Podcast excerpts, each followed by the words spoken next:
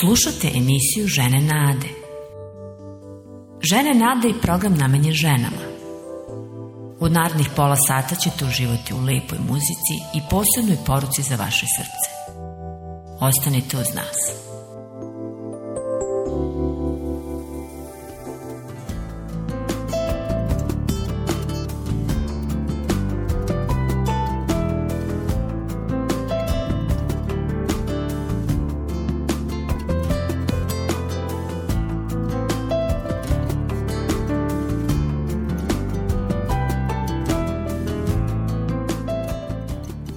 danas barem jednom se dobro nasmele. Mislim na smeh od kog nas zaboli stomak, izgubimo dah i zasuze nam oči. Dobro, možda je malo toga oko vas bilo smešno. Kako god, hteli bismo danas da istaknemo koliko je smejanje lekovito, koliko je dobro i za dušu i za zdravlje tela. Dobrodošli u program Žene nade.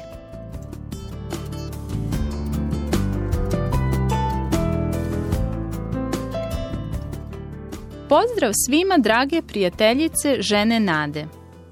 Drago nam je što ste sa nama, a verujemo da ćete se i obradovati sadržajem današnje emisije. Znamo da je veselo srce lek, da je izvor zdravlja u našem telu. To je nepobitna istina. Znamo li da i lekari govore o tome? Pa, ja bih svakako volala da sam zdravija, jer volim smeh. A još draže mi je da ovo dvoje idu zajedno. Inače, danas ćemo u ovoj emisiji reći nešto više o Bogu, o tome koji je On kao izvor radosti. Zato ne čudi što nam je kao ljudima, kao svojim stvorenjima poklonio tu svoju radost. Mislim da je jako važno da se upoznamo sa svim ovim jer mnogi misle kako je Bog namračeni tiranin koji rado kažnjava ljude i krade im radost. Zato mislim da ćete uživati u onome što smo pripremile za ovu emisiju.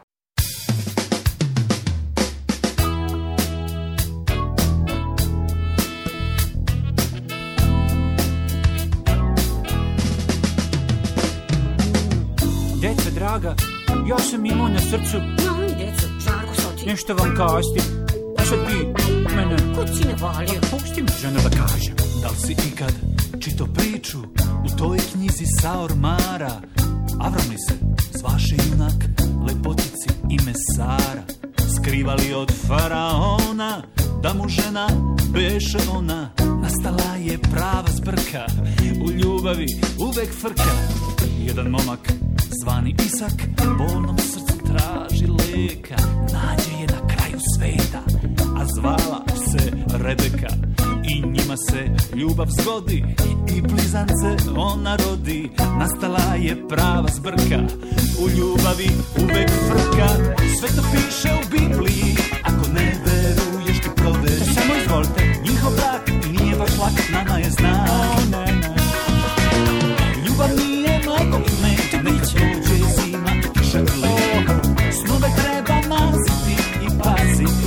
kako Sve to piše u Bibliji Ako ne veruješ ti to znam Svaki dan Njihov brak i nije baš lak Nama je znak Znam ja to sedim Ljubav nije mleko i med Neka dođe zima, kiša i led Snove treba maziti i paziti Da bi bili srećni mi Aj sad, još je dalje tek jako lisac pravi Zbog Rahele čuda pravi Cenkao se i trgovao Ma dobar miraz je stekao Još više preko toga Najedio tasta svoga Nastala je prava zbrka U ljubavi uvek frka Sve to piše u Bibliji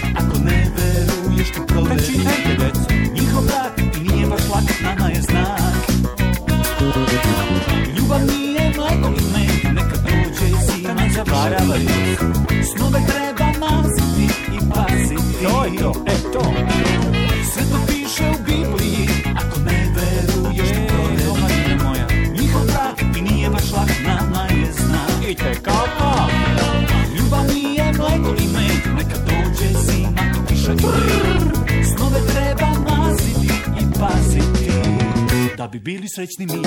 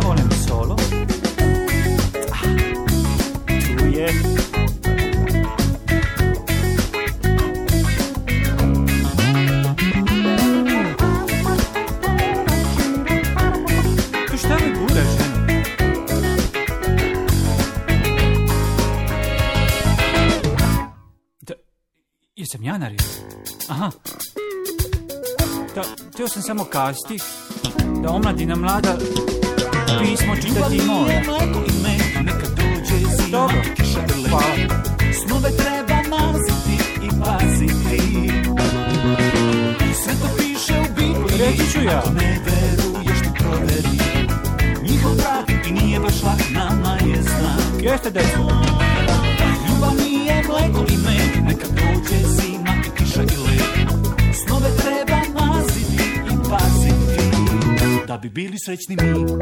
E, ti ne znam šta je ovome Pozdrav svima, drage prijateljice. Ima li u vašem životu radosti? Verujem da ima. Kao da mogu da vidim kako mi se smešite dok ovo govorim. Imam prijateljicu koja baš voli šalu. Nemate prilike u kojoj se ona ne doseti nečeg smešnog. Imate li vi nekog takvog u životu? Kakve god da su okolnosti, te osobe uvek imaju dara da se našale i zasmeju vas. Znam to nekada ume i da nervira, ali kada nisam tako neraspoložena, shvatam koliko je ova pojava ljudskog duha dragocena. Naime, nekom prilikom sam baš bila sva tmurna, a ona mi je poslala knjigu pod naslovom Melem za tugu. Otvorila sam pošiljku, pročitala poruku i prelistala sadržaj. Već u sledećem trenu sam počela da se kikoćem. Pitala sam je jednom, zašto se uvek šališ i smeješ se? Pažljivo me je pogledala i rekla, probala sam i da se smejem i da plačem. Znaš, smeh je mnogo bolji. Da, mislim da je to često stvar našeg izbora. Naime, ona se tome poučila iz Svetog pisma, iz Božje reči koja doslovno kaže da je veselo srce pomaže kao lek.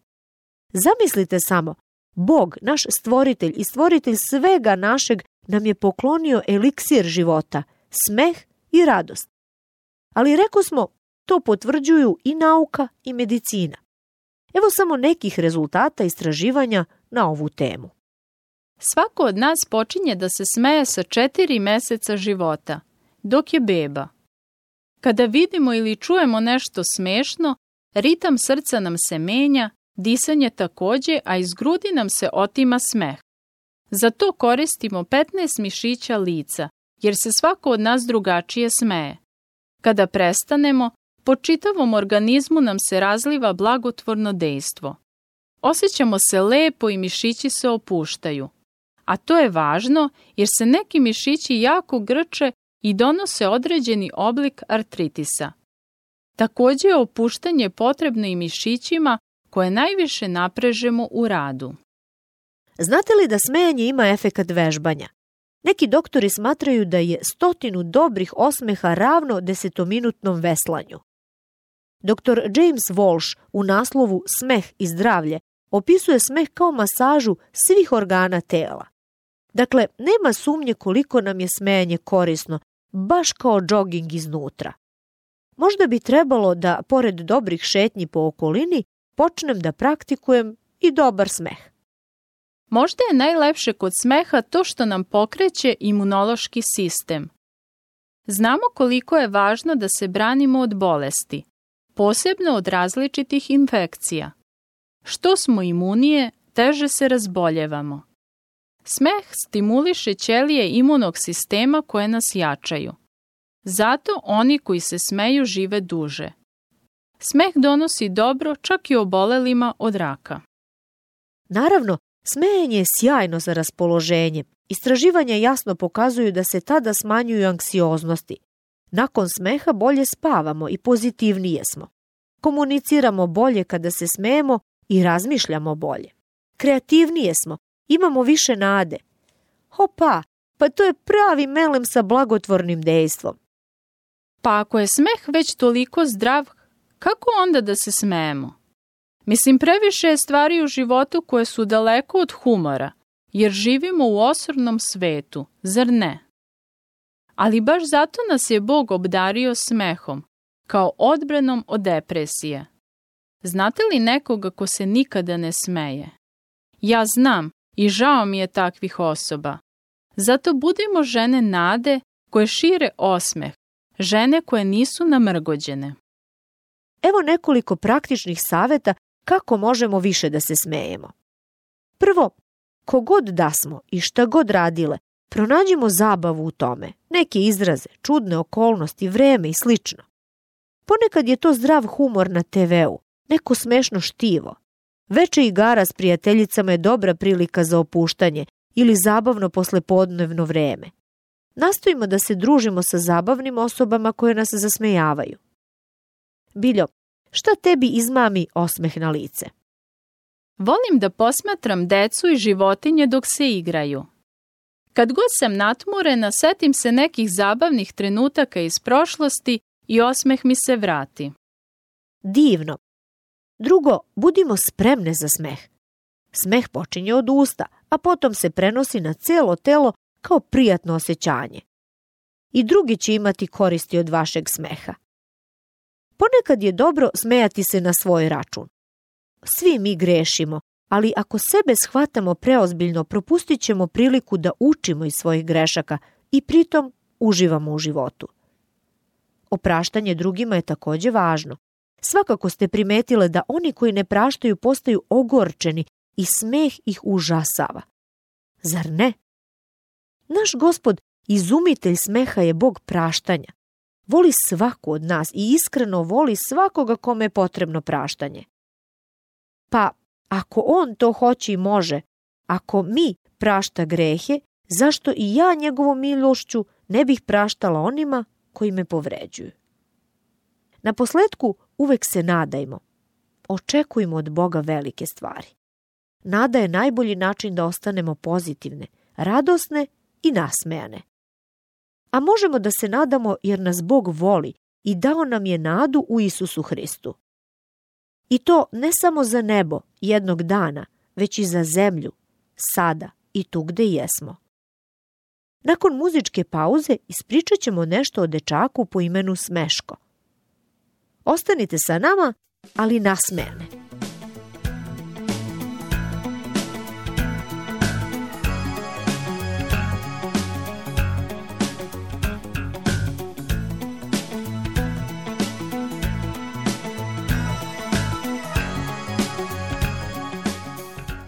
jedan dečak po imenu Smeško.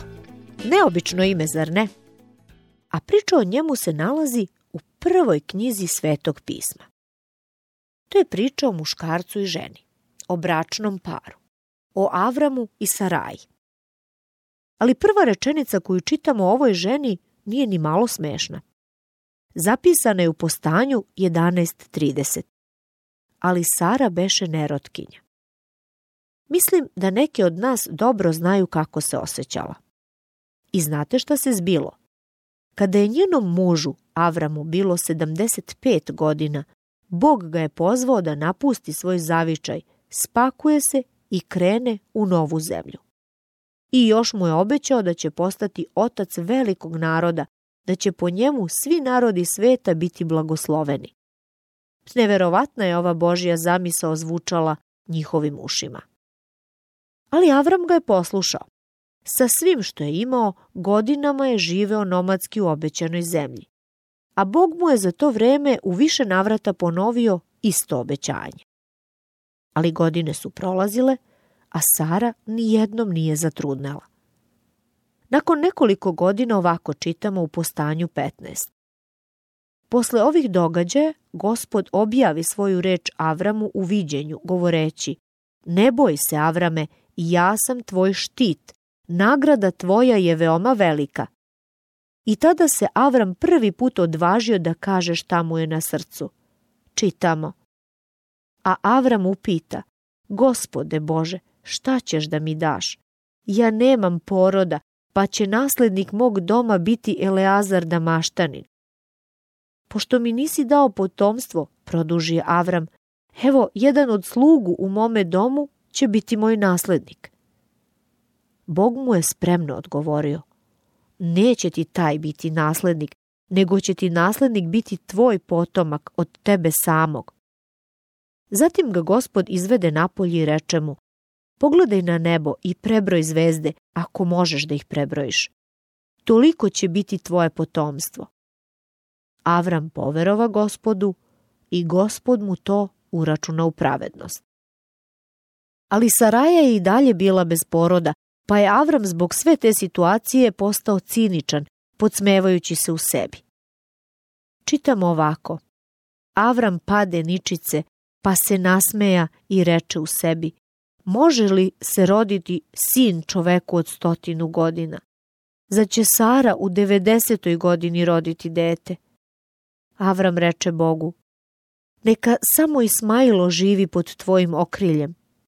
Ali Bog se nije dao odgovoriti. Uzvratio mu je, ipak će ti tvoja žena Sara roditi sina, kome ćeš dati ime Isak. Ja ću sklopiti svoj savez, večni savez sa njim i sa njegovim potomstvom posle njega. I tu je i njemu i njoj promenio ime. Avrama je nazvao Avram, a Saraju Sara, što znači princeza. Ali još uvek ništa od deteta. I tek kada je Avramu bilo okruglih sto godina, Bog ih je posjetio jednom posebnom prilikom. Čitamo u postanju 18. poglavlju. Gospod se ukazao Avramu kod hrastova Mamrije, dok je ovaj sedeo na ulazu u šator tokom dnevne žege. Avram podigne pogled i ugleda tri čoveka kako stoje nedaleko od njega. Čim ih je ugledao, Potrčao je s ulaza u šator njima u susret. Onda se poklonio do zemlje i rekao, gospode, ako sam stekao naklonost pred tobom, nemoj mimo ići mene, svoga slugu. Onda su ih njih dvoje ugostili. Čitamo od desetog stiha. Onda su ga upitali, gde je tvoja žena Sara? Avram odgovori, eno je u šatoru. Gospod reče, zaista ću se vratiti k tebi do godine u ovo vreme i evo, tvoja žena Sara će imati sina. Sara je to slušala na ulazu u šator koji je bio iza njega. I Avram i Sara su već bili ostareli i u odmaklim godinama. U Sare je naime bilo prestalo što biva u mlađih žena. Sara se na to nasmela u sebi rekavši Zar ću sada iskusiti radost kad sam već uvenula, a moj gospodar ostareo? Gospod reče Avramu, Zašto se smejala tvoja žena Sara i govorila, zar ću sada roditi kad sam već ostarela? Zar je za gospoda išta nemoguće? Da, vratit ću se k tebi do godine u ovo vreme i Sara će imati sina. Uplošivši se, Sara je poricala. Ne, nisam se smejala. Ali gospod joj reče, jesi, smejala si se. Kakva priča, a mi još uvek mislimo kako od Boga možemo da sakrijemo neke stvari. A On zna sve, posebno zna kako se osjećamo, zna šta razmišljamo i razume nas. Ali molim te nastavi, šta je dalje bilo? Evo kako čitamo u postanju 21. Gospod je blagoslovio Saru i učinio joj kao što je obećao – Sara je zatrudnela i rodila Avramu sina u njegovoj starosti, u vreme kada je Bog rekao. Tada Sara reče, Bog me je zaista zasmejao i svako ko čuje ovome smejaće se. Dodala je još, ko bi ikada rekao Avramu da će mu Sara dojiti decu?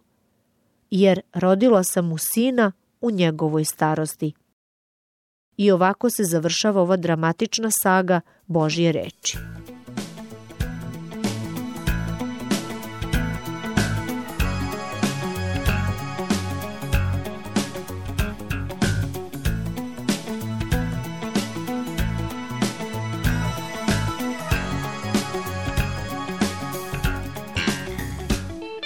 Nas ovde zanima njen smeh. Naime, prvo se smejala neverujući, baš kao i njen muž, jer im je trudnoća već bila nemoguća stvar. A onda se na posledku smejala iz čiste radosti jer je Bog ispunio obećanje. I to nije sve. Novorođenče je nazvala Isak, što znači smeško. Drage moje, s kakvim nemogućim prilikama se susrećete baš danas? Da li se jetko smejete neverujući da Bog tu može bilo šta da uradi? Ali šta je Bog odgovorio kada je video takav Sarin smeh? Zar je meni išta nemoguće? Nije. Baš ništa nije. Bog, stvoritelj nebesa i zemlje, može sve. Ako nam se neke okolnosti čine nemogućim, pokušajmo nešto jednostavno. Spomenimo ih gospodu. Predajmo ih u veri. Neka ih on reši na način koji je za nas najbolji a onda učinimo kao Avram, čekajmo u veri. Možda se stvari neće odvijati onako kako očekujemo i onda kada ih očekujemo, ali verujmo Bogu i svemu što nam je obećao. A šta nam je on to obećao? Evo kako čitamo u poslanici Rimljanima 4.22 o Avramu i njegovoj veri. Zato mu je vera uračunata u pravednost. Ali Ovo nije samo nešto njegovo, i naše je. Bog i nas opravdava kada mu poverujemo, posebno to da je raspetog Hrista vaskrsnuo iz mrtvih. Jer Isusa su raspeli zbog naših greha, a Otac ga je vaskrsnuo da bi nas izmirio sa sobom. Pošto smo dakle opravdani verom, u miru smo s Bogom posredstvom našeg gospoda Isusa Hrista. Njegovim posredstvom smo verom stekli pristup k milosti u kojoj sada živimo, te se hvalimo nadom da ćemo učestvovati u Božjoj slavi. Rimljanima 5, prvi i drugi stih. Kako veličanstvene reči svetog pisma. Imamo čemu da kličemo od radosti ako verujemo u Isusa i sve što je učinio za nas. Možemo da budemo sigurne. Bog nas je prihvatio po veri, baš kako je davno, davno prihvatio i Avrama. Bog voli da ljudsku tugu menja u radost. Psalmista kaže, moj si plač okrenuo u kolo, skinuo si s mene ruho žalosti i u ruho me radosti obukao, zato te duša moja slavi bez prestanka. O gospode Bože moj, hvalit ću te večno. Psalam 30, 11 i 12 stih. Hajde da se pomolimo zajedno. Svemogući Bože, oče naš, Hvala ti za tvoje obećanja da delimo tvoj život i tvoju slavu ako se verom pouzdamo u Isusa tvog sina. Molimo te za sve naše prijateljice da im sada tamo gde jesu doneseš radost i ma kako na izgled bezizladnim okolnostima bile. Pomozi im da ti veruju, da se pouzdaju u tebe. Obraduj ih smehom i podari ih radošću. Molimo te u Isusovo ime. Amin. Kada se na ovaj način pouzdamo u Boga, On nas rešava greha. A to je stvarno nešto najvrednije radosti. Tada dobijamo novi život i pravo da se radujemo u novom odnosu sa Bogom. On nam više nije sudija, već otac koji voli.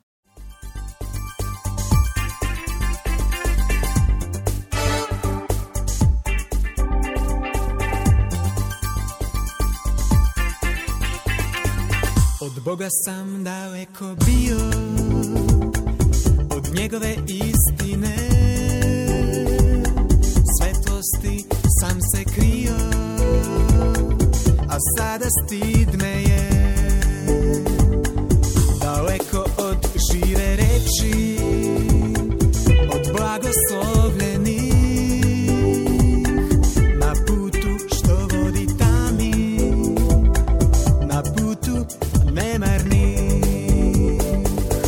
sve dok jednom nisi ti Ispred mene stao sam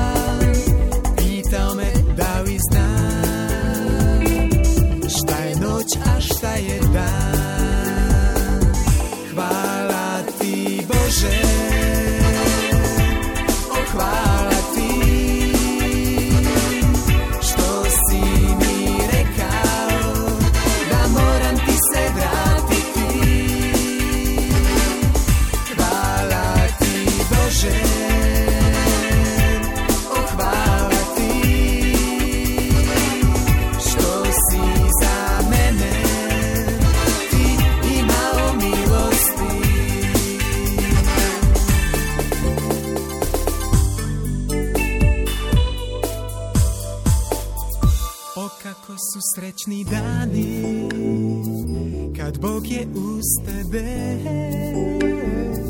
On leči svaku ranu On za sve brine se Silna ruka tvoja je Topla čvrsta večita Pod njom tako mirno je Pred nas zakon Богославля. Хвала ти, Боже.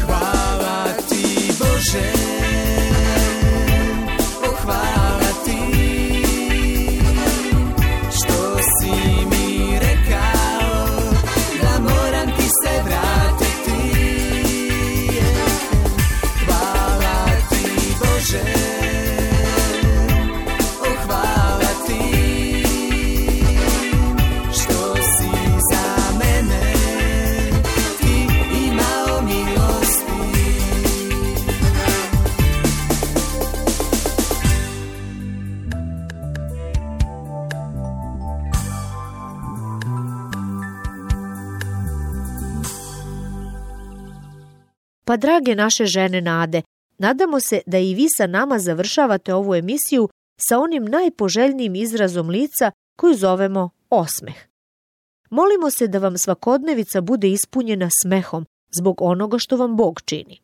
Naravno, najviše volimo da čujemo koju od vas, pa vas pozivamo da nam se javite na adresu Žene Nade, Poštanski pregradak 37 11060 Beograd ili na telefon 062 396 331.